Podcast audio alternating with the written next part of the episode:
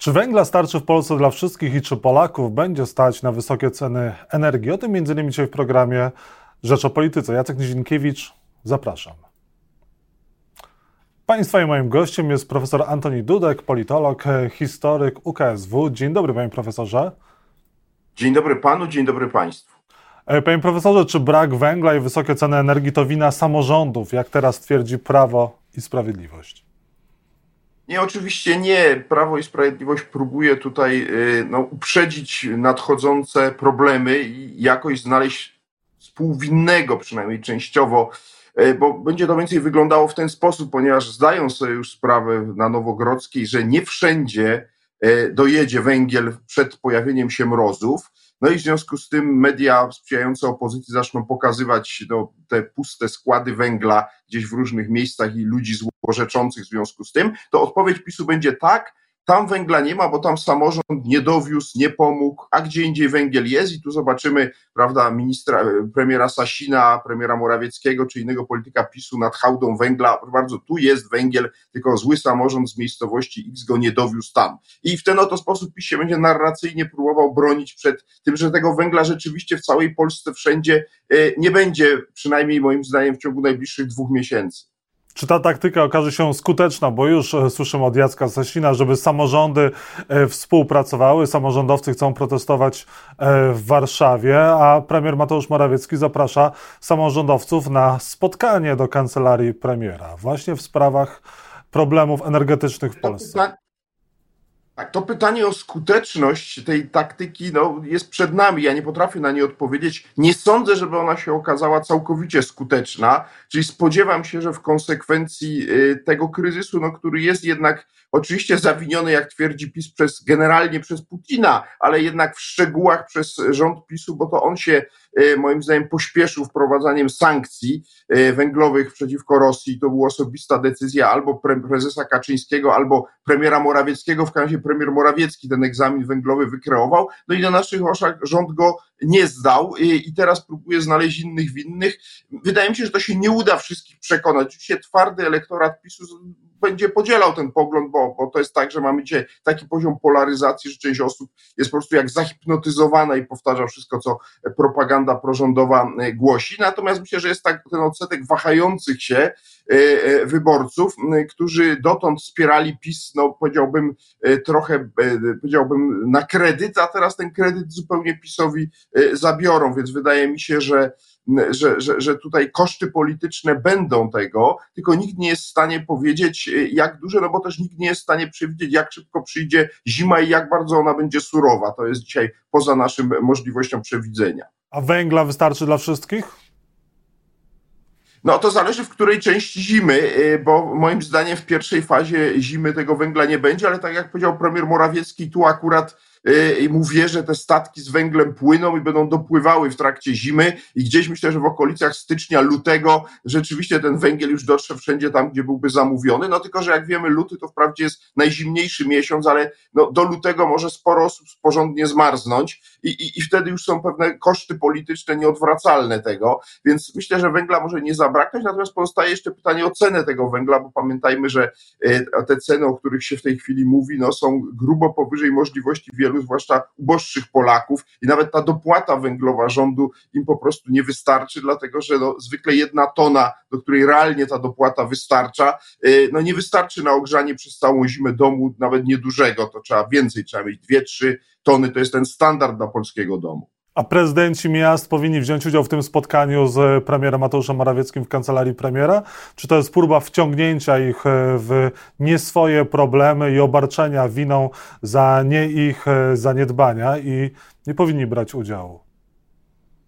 Nie, ja uważam, że powinni wziąć udział. Znaczy, uważam, że generalnie sytuacja jest taka, że y, paradoksalnie odmowa udziału w tym spotkaniu będzie tylko ułatwiała propagandzie pisowskiej. Zobaczcie, y, ci prezydenci związani z opozycją bojkotują tu rząd, prawda, y, przynosi im różne propozycje, a oni nawet nie chcą o tym rozmawiać. Zdecydowanie powinni pójść i przedstawić swoje stanowisko, które moim zdaniem jest, jest, jest jasne. Samorząd nie jest od tego, żeby załatwiać w Polsce dostawy węgla. Oczywiście on jest od tego, żeby pomagać mieszkańcom i jeżeli ten węgiel gdzieś będzie, to uważam, że samorządowcy powinni się zaangażować w jego transport. Oczywiście jest pytanie o koszty tego, poniesienie kosztów tego transportu dość znacznych, bo pamiętajmy, że samorządy w ostatnim okresie za sprawą Polskiego Ładu zostały no, w znacznym stopniu ograbione z części dochodów i te rekompensaty, które im rząd wymyślił, są po prostu niewystarczające i tak naprawdę próba przerzucenia kosztów tej operacji na samorządy jest już absolutnie niedopuszczalna.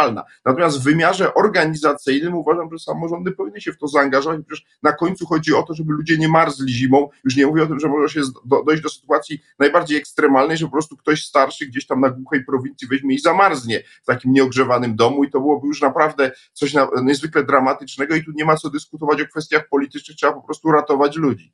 A czy do wyborów e, Polacy zapomną o tych problemach energetycznych, które rząd im e, zgotował, lub też nie dopuścił do tego, żeby tak duże te problemy nie były? Wszak prawie rok do tych wyborów.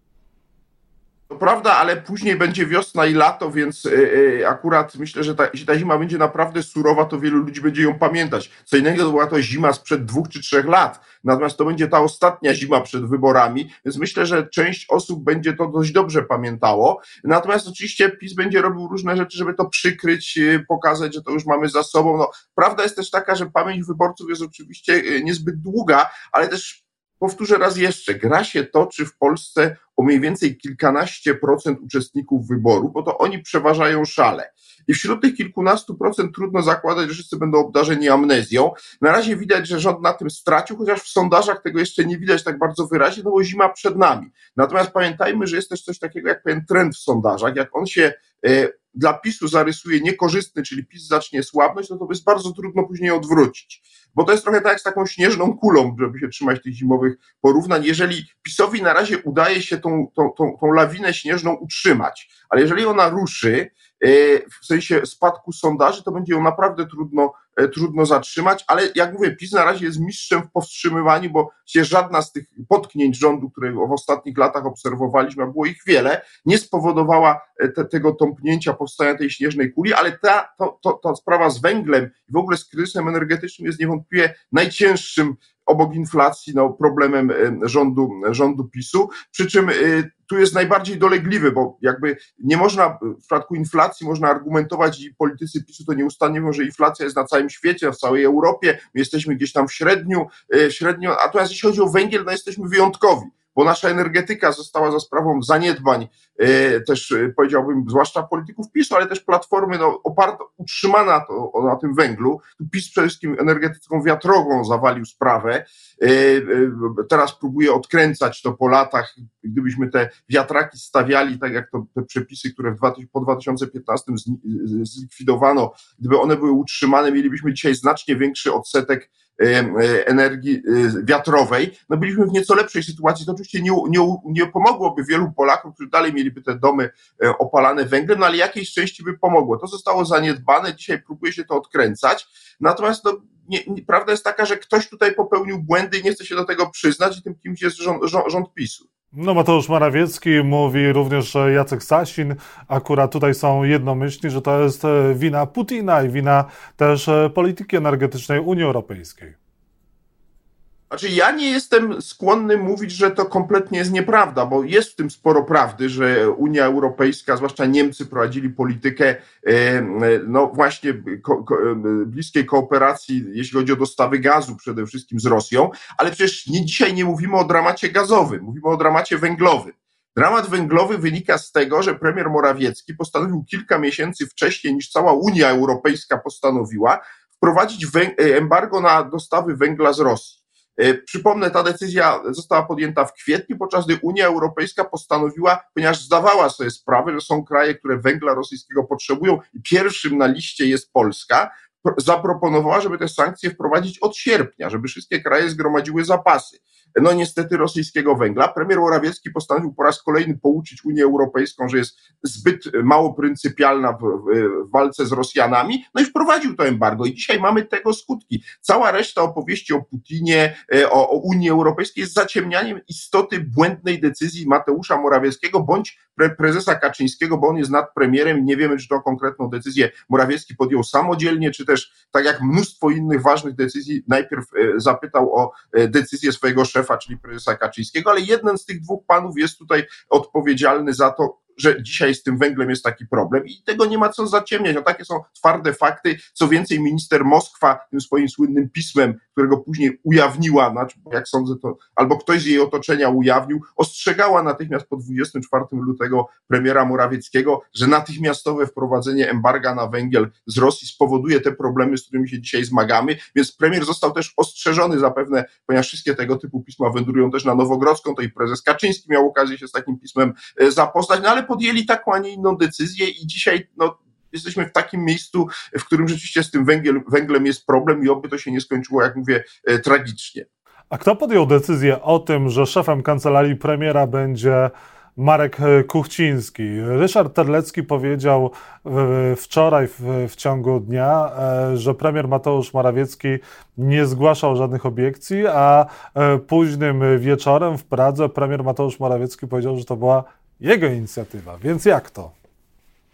No więc właśnie, to jest bardzo zabawne, że premier Morawiecki po raz pierwszy chyba w wszystkich swoich decyzjach kadrowych, a podjął ich formalnie ogromną liczbę, podkreśla, że to jest jego autorski pomysł.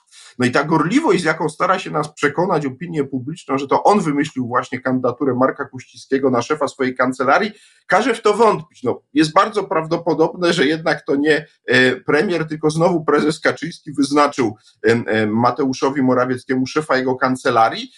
Dlaczego? No bo powiedzmy sobie jasno, Marek Kuściński jest z innej zupełnie bajki pokoleniowej. Jest to człowiek, który no, jest znacząco starszy od premiera Morawieckiego, który raczej jak widzimy, jak może, to się otacza raczej młodszymi od siebie współpracownikami z prostego powodu, no oni są bardziej dyspozycyjni, bardziej zapatrzeni w tego właśnie swojego szefa premiera.